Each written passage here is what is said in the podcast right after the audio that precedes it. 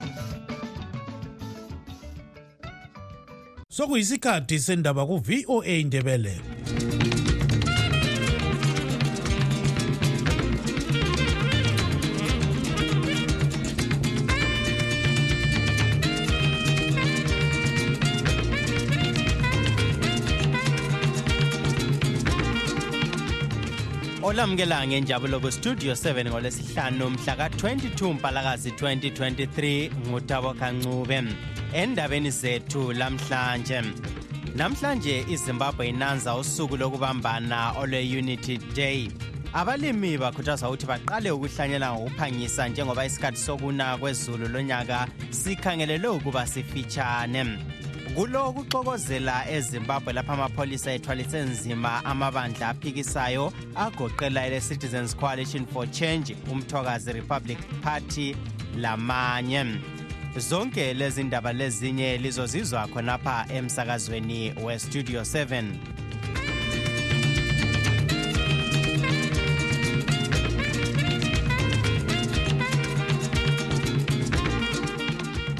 namhlanje izimbabwe inanza usuku lokubambana olwe-unity day Usuku lolu lwaqala ukunanzwa mhla ka-22 Mpalakazi ngomnyaka ka-1987 ngemva kokulotshwa kwesivumelwano esabambanisa amabandla amabili athi izanu pf le-pf zaphu abantu bezimbabwe balemibono etshiyeneyo ngosuku lolu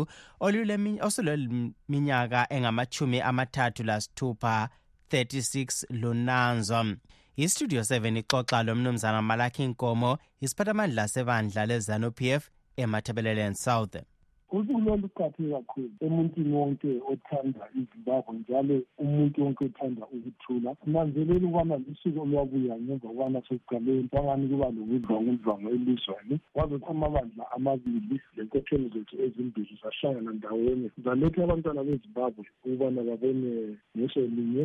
njalo baphile ngokuhloniphana kungakhethi imbala kungakhethi indawo ukuthi wenzilela ngaphi ungakhethi njalo ukuthi ukhuluma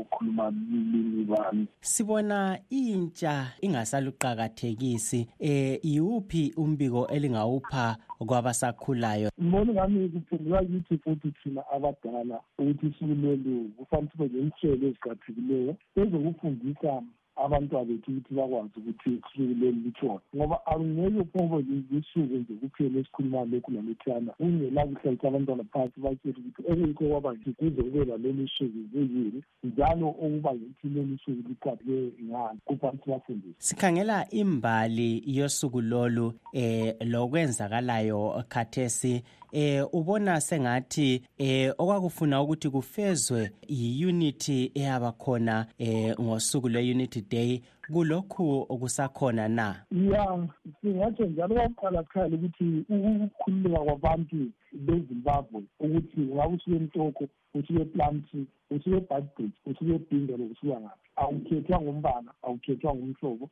uhamba ukhululekile nabayendisayo bayendisa abantwa babo ngokukhululeka sibe sesikhangela futhi langendlela imisebenzi ebuye ngayo langendlela uhulumende abunje ngayo ungananzelela thina lathi ngapha emaksouth abamelisi labo um eh, ku-executive esingathi ngama-ministers bekhetha bejulela ngapha kwelakithi njalo akula mntu ongakhonona ukuthi kona ilizwe livuswa ngancanye ngapha akula bantu so ngenxa ye-unity nangenxa yokubangumbana ngenxa yaleli langa yikho osokulethe konke lokho ngaleyo ndlela ngibona mina usuku lolu lwaba luhle ukuthi lube khona lasemisebenzini eminye eminenginengi um kuyakhangelwa ukuthi indawo leyi ibhalansile abantu bonke bayathola ngokulinganayo imisebenzi kumbe ukukhokhela umnumzana malakhi nkomo isiphathamandla sebandla lezanu p f emathebeleleni south siphinde saxoxa njalo lomnumzana magantiwa dube owezaphu owalwa impi yenkululeko njalo esekunhlanganiso yezipra veterans association hayi kakhulu baba thina asizange saluqakathekisa noma kuyikuthi abadala kumbe bangena bezama ukulamulela abantu kumbe babesenzani thina njengabantu ababesesibuthweni sesibelethiliwe kufana lokuthi unikwe i-oda kuphela ukuthi sekwenzakele lokho asizange sikuvume njalo ngikhuluma nje kusasa izipra yonke elengqondo ubuchopho obupheleleyo uyabefake ezimnyama kulendawo amele uma kuthiwa u-ten ame ame for 20 minutes ukurepresenta abantu abangu-20,000 okukhanya yibo ababulawa khonapha noma thina singayazi fika ukuthi njani mbona ngathi thina asizange sathi thina leyo nto siyayazi eyuniti ngoba mbona ngathi abadala laphana babesenzela ukuthi abantu sebephelile bebulawa abantu yizigebengu kwabatsha um lingathini sikhangela usuku lona kakhulu esingakutsho kwabancane yikubakhumbuza ukuthi khona kulecala elenzakala ngemva kokuba sekuthethe ilizwe icala leli alifuni mali licala elifuna ukuthi kukhulunywe iqiniso nje kuphela ukuthi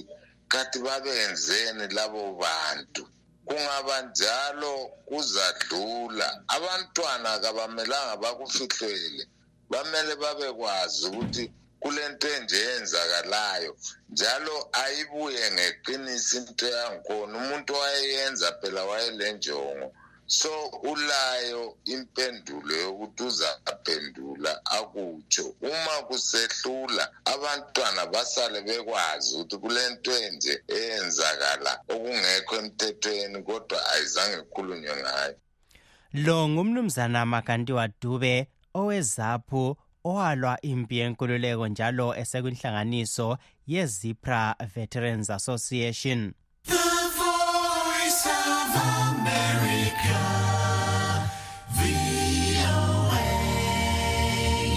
abalimi bakhuthazwa ukuthi baqale ukuhlanyela ngokuphangisa njengoba isikhathi sokuna kwezulu lonyaka sikhangelelwe ukuba sifitshane ekhuluma le studio 7 umqondisi ohlangothi lukahulumende oluphathisa abalimi olwe-agritex emathebeleleni north umnumzana dumisani nyoni uthi abalimi kufanele bahlanyele inhlanyelo eziphangisa ukuvuthwa njalo badinge indlela zokuthi umhlabathi ugcine amanzi kakhulu ngesikhathi izulu lingani asimzweni elandisa okokuqala izulu liphuzile yebo kambe ukuqala ukuna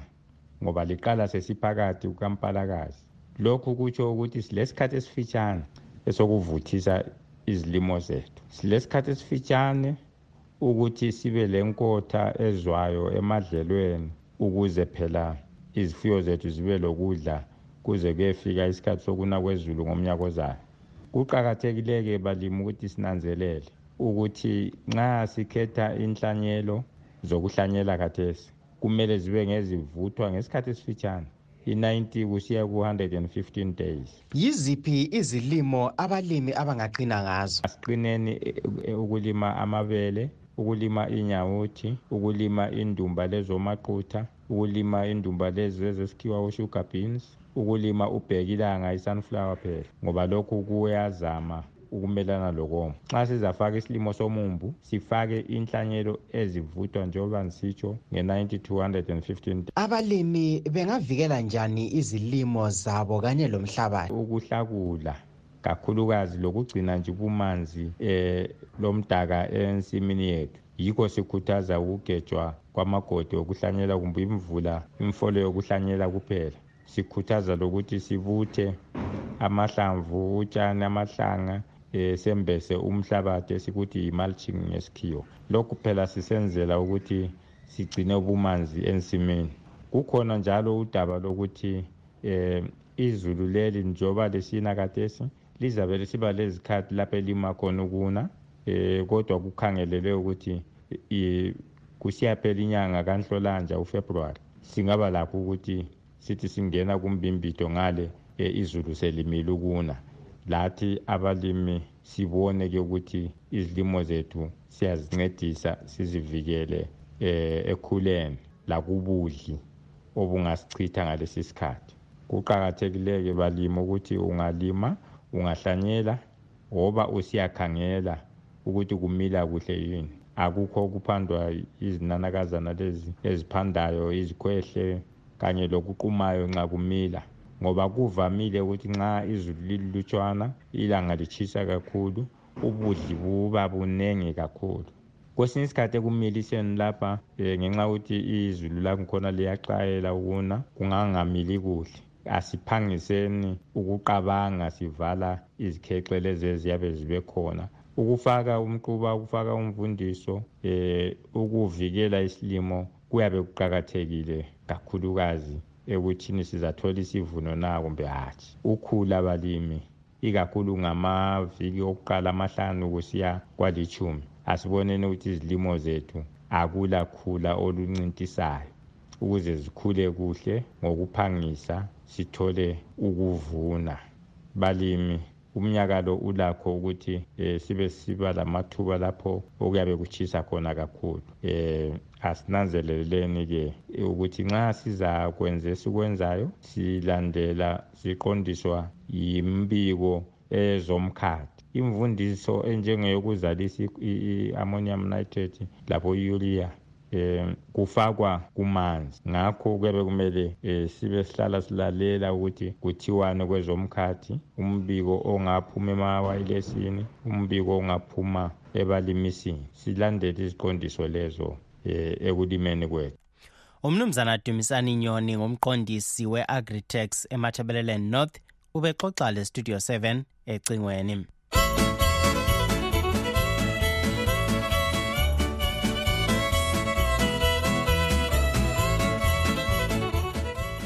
umeli ndlovu loroland dube abatshove intshelelezani besuka emidrand eh, kwele south africa besiya kobulawayo namuhla bebethotshwa imizimba eratis beauty parlor okwamanje basaphumula kulandela ukuhamba umango oyisilinganiso samakhilomiters afika phose inkulungwane 865 kilometers ake sizwe undlovu exoxa lodube bethotshwa imizimba kobulawayo sidona abantu abaningi kade bahamba besikhapha besiphelekezela which means endleleni kade kumnandi kakhulu kade besikhapha imoto yajika ngasepulukwane from there saqhubeka sibathathu bekumnandi impela kodwa inkinga ekade ngilayo mina njengomuntu oqalayo kusayikilo kade engakwazi lutho so behamba ngifunda endleleni ongawukuthi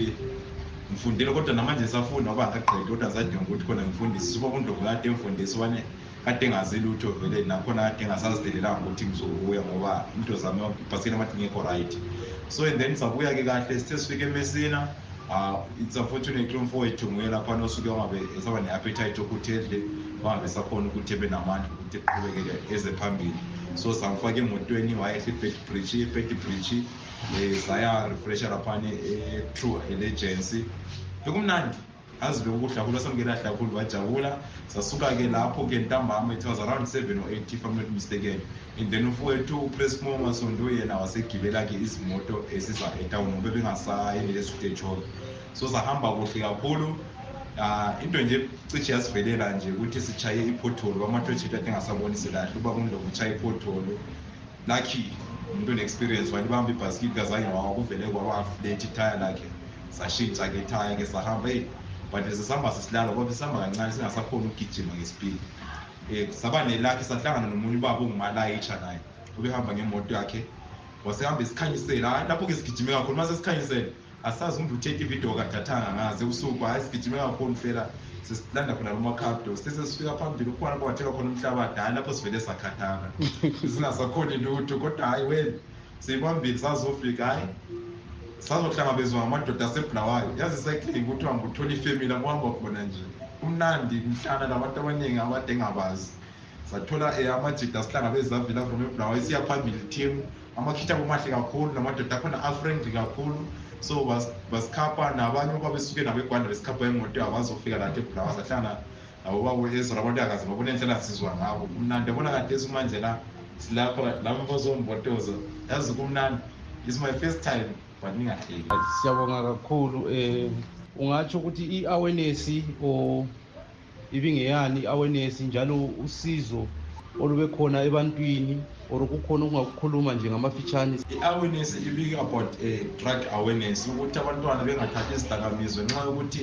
um intsha ayiningi abantwana abaningi abancane iyouth sebelahlekelwa umkhumbulo nangengqondo nangenhlonipho yonke into isibalahlekela lekusasa labo elihle ngenxa yokuthatha izidakamizwa so besithi khona say no to the drugs and then usizo silutholile ebantwini abantu abanye njengoba besinikeza izimali abanye besithela ukudla abanye besinikeza amanzi namafruit endleleni bekukuhle kakhulu phela besifike khona mpela bekukuhle kakhulu kodwa mina umdeni wamade engawuthelanga ukuthi khona ngabuya ngebhasikini ngoba ngomtheke bevuma kodwa kuhle ukuthi labo ngithole bengimele nogogo wami kade engamthelanga ngithole laye engilindile ujabule kakhulu ube proud lami ngenza ukuthi babe proud ukuthi maybe ngokuzayo ngizayizwa okukhulu ukudlula lokho ngiyabonga okay hhayi siyabonga kakhulu eh hhayi okunye siyabe siyazisana kanjalo kanjalo besicela nje abantu abasincedisayo kukhona abanye lesifiso sokuthi besithumele ukuzosincedisa nathi ngoba besihamba sisidla siphuza amanzi silungisa izinto ezininginingi lapha lizwe abathakazelela intshelelezani umnumzana roland dube xoxa lo meli ndlovu bekobulawayo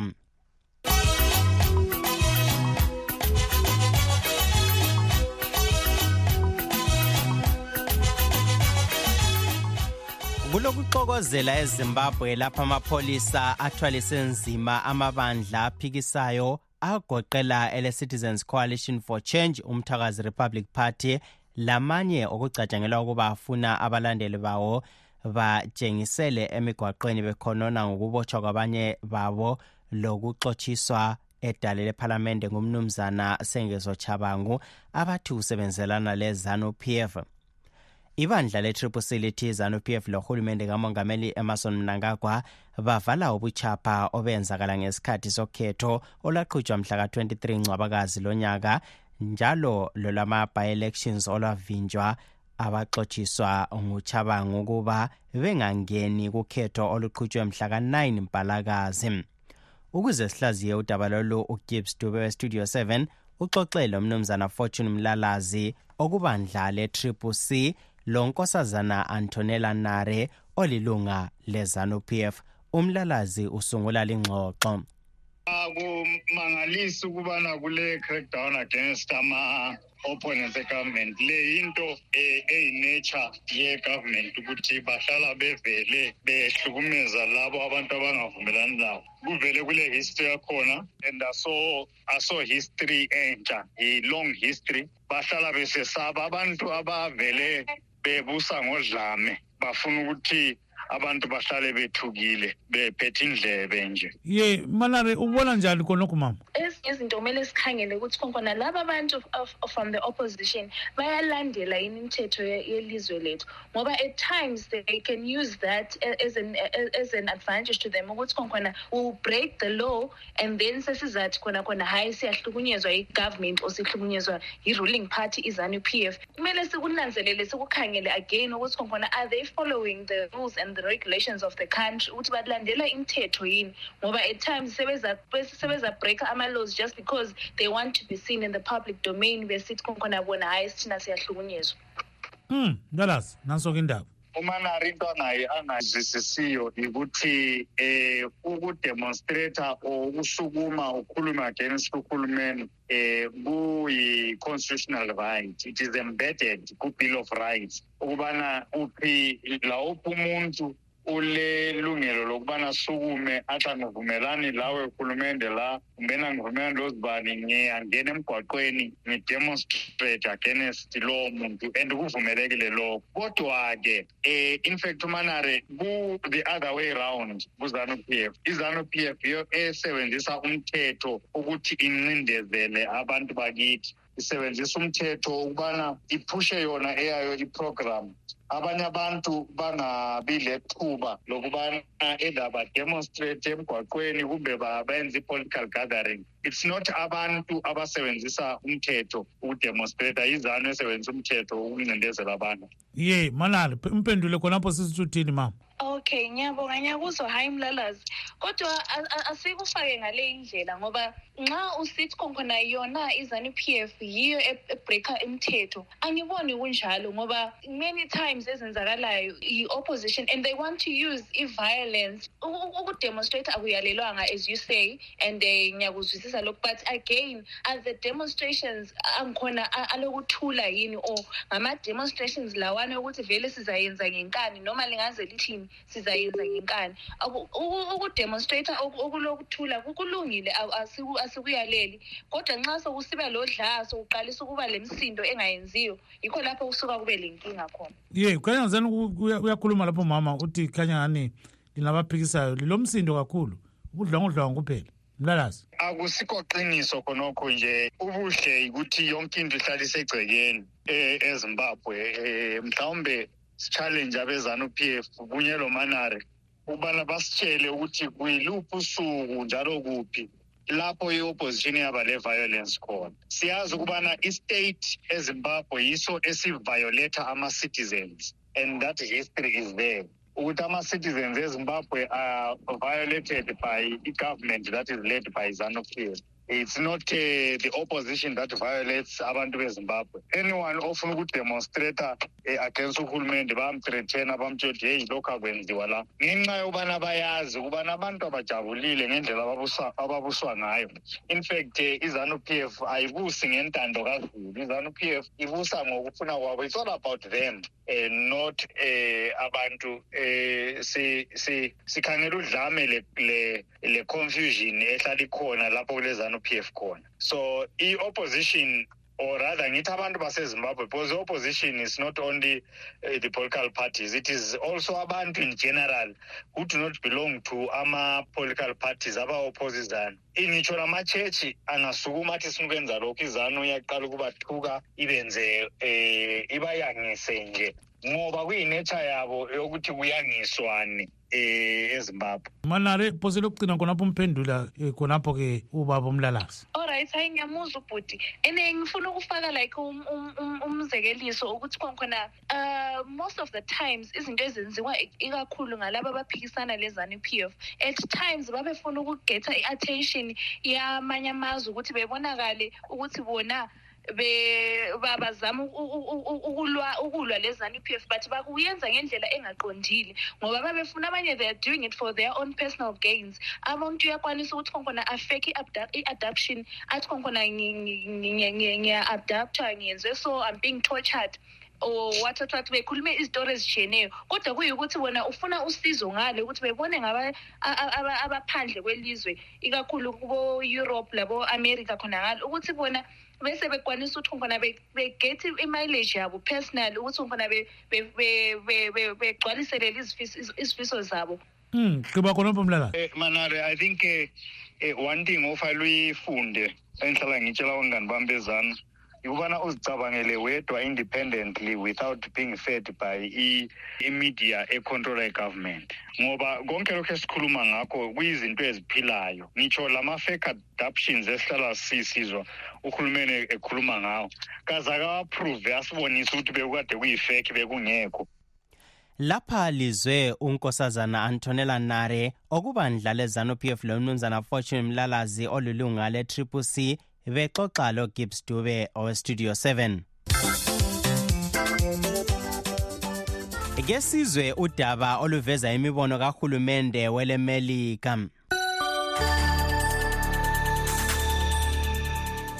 eburkina faso ngelinye lamazwe entshonalanga yezwekazi le-afrika lapho abebutho abahluthune khona amandla ngombandula ngomnyaka ka-2022 abebutho bahluthuna amandla lanxa abedlulisa amalawulo abesimoslim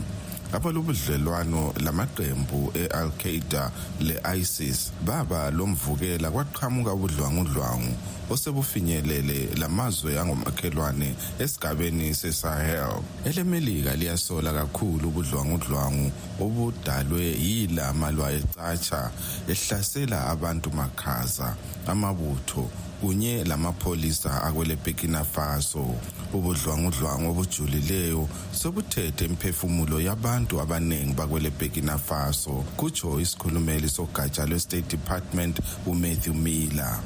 siduduza labo abathintekileyo imindeni yabo lomphakathi elemelika lizahlala lizimisele ekuphathiseni ekulwisaneni lobudlwangudlwangu ngenxa yokungahlaliseki lokhu elemelika likhuthaza abeburkina faso ukuthi bathathe amanyathelo okuvikela uzulu lengatsha zomphakathi kutsho umsekeli wogatsha lukahulumende olubona ngokwezwekazi le-afrika umolly p esipha ubufakazi edale lecongress kunsukwana ezisanda kwedlula siyazi Cebo lokuvimba ubudlwangudlwangu lobu ngokugcwalisa amabutho alisoze lisebenze njengalokho okwenziwe kwele Mali. Ukulungisisa ukungahlaliseki okwenzakala kwele Burkina Faso siqhuquzela umhlahlandlela ozandulela umbuso kaZulu kusetshenziswa isikhathi esizafakwa sivunyelwane yibo bonke elemelika likhathezekile ngokwenziwa nguhulumende osabambile okwesikhathi okufana lokubamba ngamandla abantu ukuthi bangene kubutho ukuncindezela uzulu lokuvimba abamabandla ezombusazwe lokhu kubangela ukuvimba abantu abasebenzela isizwe ukuthi kube lombuso kazulu lokuthi ilungelo likazulu lilondolozwe kutsho umila ukulondoloza ilungelo likazulu lokucwayisisa ukwephula kwelungelo likazulu ubusuku lokujezisa labo abayabe bebangele lokhu kuqakathekile ukuze kube lokuthula elizweni elemelika lizaqhubeka lisebenzelana lohulumende wesikhatshana we-transition authority labanye ukuvikela ilungelo likazulu kutsho umila sizaqhubeka siphathisa uzulu weleburkina faso emizameni yokuthola impilakahle lohulumende kazulu kunye lokuthula elizweni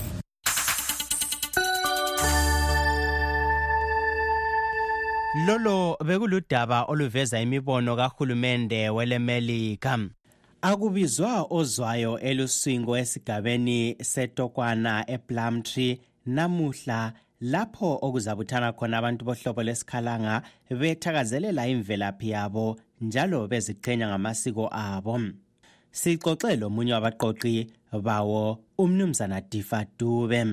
namhlanje lilanga elikhulu kakhulu babunkomo lapho kuhlangane khona abantu bebukalanga eh, endaweni ebizwa kuthiwa kuseluswingo Eh, iluswingo leyi it's a traditional place eyaziwa kakhulu eh, ngebizo elakudala elibizwa kuthiwa yintandabagwana intandabagwana kusho ukuthi wawungumuzi omncane owenkosi yethu uchibundule njengoba sazi ukuthi uchibundule yena wayehlala laphana ecameroons so ke abantu bazobe behlangene lapha entantabagwana en eh, well known as iliswingo lapho ukuthi bezogubha lolu suku bekhumbula ubukhosi bamandulo bekhumbula imvelaphi yethu njalo sizama lokufundisa laba abancane ukuthi eh, umlando ube kibo njalo bakuzwisise kakhulu ukuthi nxa sikhuluma ngembali yakithi bukalanga sikhuluma ngendawo enjani eh kuqakathekile kakhulu ukwenza izinto ezifana lazela lezi ngoba kuvuselela usiko lwakithi ingakho siyabamema bonke abantu bakithi isizwe sakithi sonke sithi bonke abanelisayo ukuthi bafike kotokwana endaweni okuthiwa yiluswingo siyabamema ukuthi abafike ngobuningi ingaphi kahle kahle lindawo dube eh indawo kuthiwa iluswingo etokwana indawo leyo kusho ukuthi it's 40 kilometers nxa usuka eplumtree town eh uhamba ngedirection usiya kutokwana ezitolo nxa ufika etokwana ezitolo usungafika ubuze ukuthi izitolo zakotokwana zinye kuphela noma bangabiza ukuthi komakhekhe usungabuza indawo ukuthi indawo kuthiwa yiluswingo ingaphi kodwa-ke okunye sizazama ukuthi sikwenze sizalwisa ngako konke okusemandleni ukuthi sibhale amabhakane um amaphepha azobe ebhaliwe esitsho ama-direction ukuthi nxa ufika lapho uje kuqondele um eh, njalo zizama ukufakala lama-ashers azasiza ukuthi um ayenelise ukuthi atshele laba babilahleka ukuthi indlela iqonde ngaphi kodwa-ke sithi bonke abantu bakithi ababuye lalabo abangasobo bakalanga ababuye labo bezozithola ithuba lokuthi bebandakanye-ke ekufundeni izinto noma bafunde um ukuthi abantu bebukalanga baziphethe njani bengabi belokho besizwa izinto beziqagela from laphana kodwa-ke ababuye bezosondela duze lathi sizogubha lolu suku sisonke sindawonye ikakhulukazi abantwana bezikolo siyabamema kakhulu ukuthi abazali abavumele abantwana ukuthi ababuye um ngoba kuyinto ekhangelane labo kakhulu ngoba thina abadala um sekukuningi esikufundileyo esikwaziyo kodwa-ke abantwana abancane kufanele ukuthi babuye sizobafundisa sibachiyele ifa lengqondo um ukuthi basale besazi ukuthi impilo yayinjani njalo baqhubeka phambili layo besiya ngako umnumzana diva dube ngomunye wabaqoqa umkhosi weluswingo khalanga cultural festival ubexoxa ecingweni lontungameli nkomo owestudio 7 singake ehlukanike ezihlobo sikhangele ezinye inhloko zendaba ebesilazo kuhlelo lethu lwanamhlanje namhlanje izimbabwe inaza usuku lokubambana olwe-unity day silugqiba-ke lapha uhlelo lethu lwanamhlanje oluvalelisayo ngutabo kancube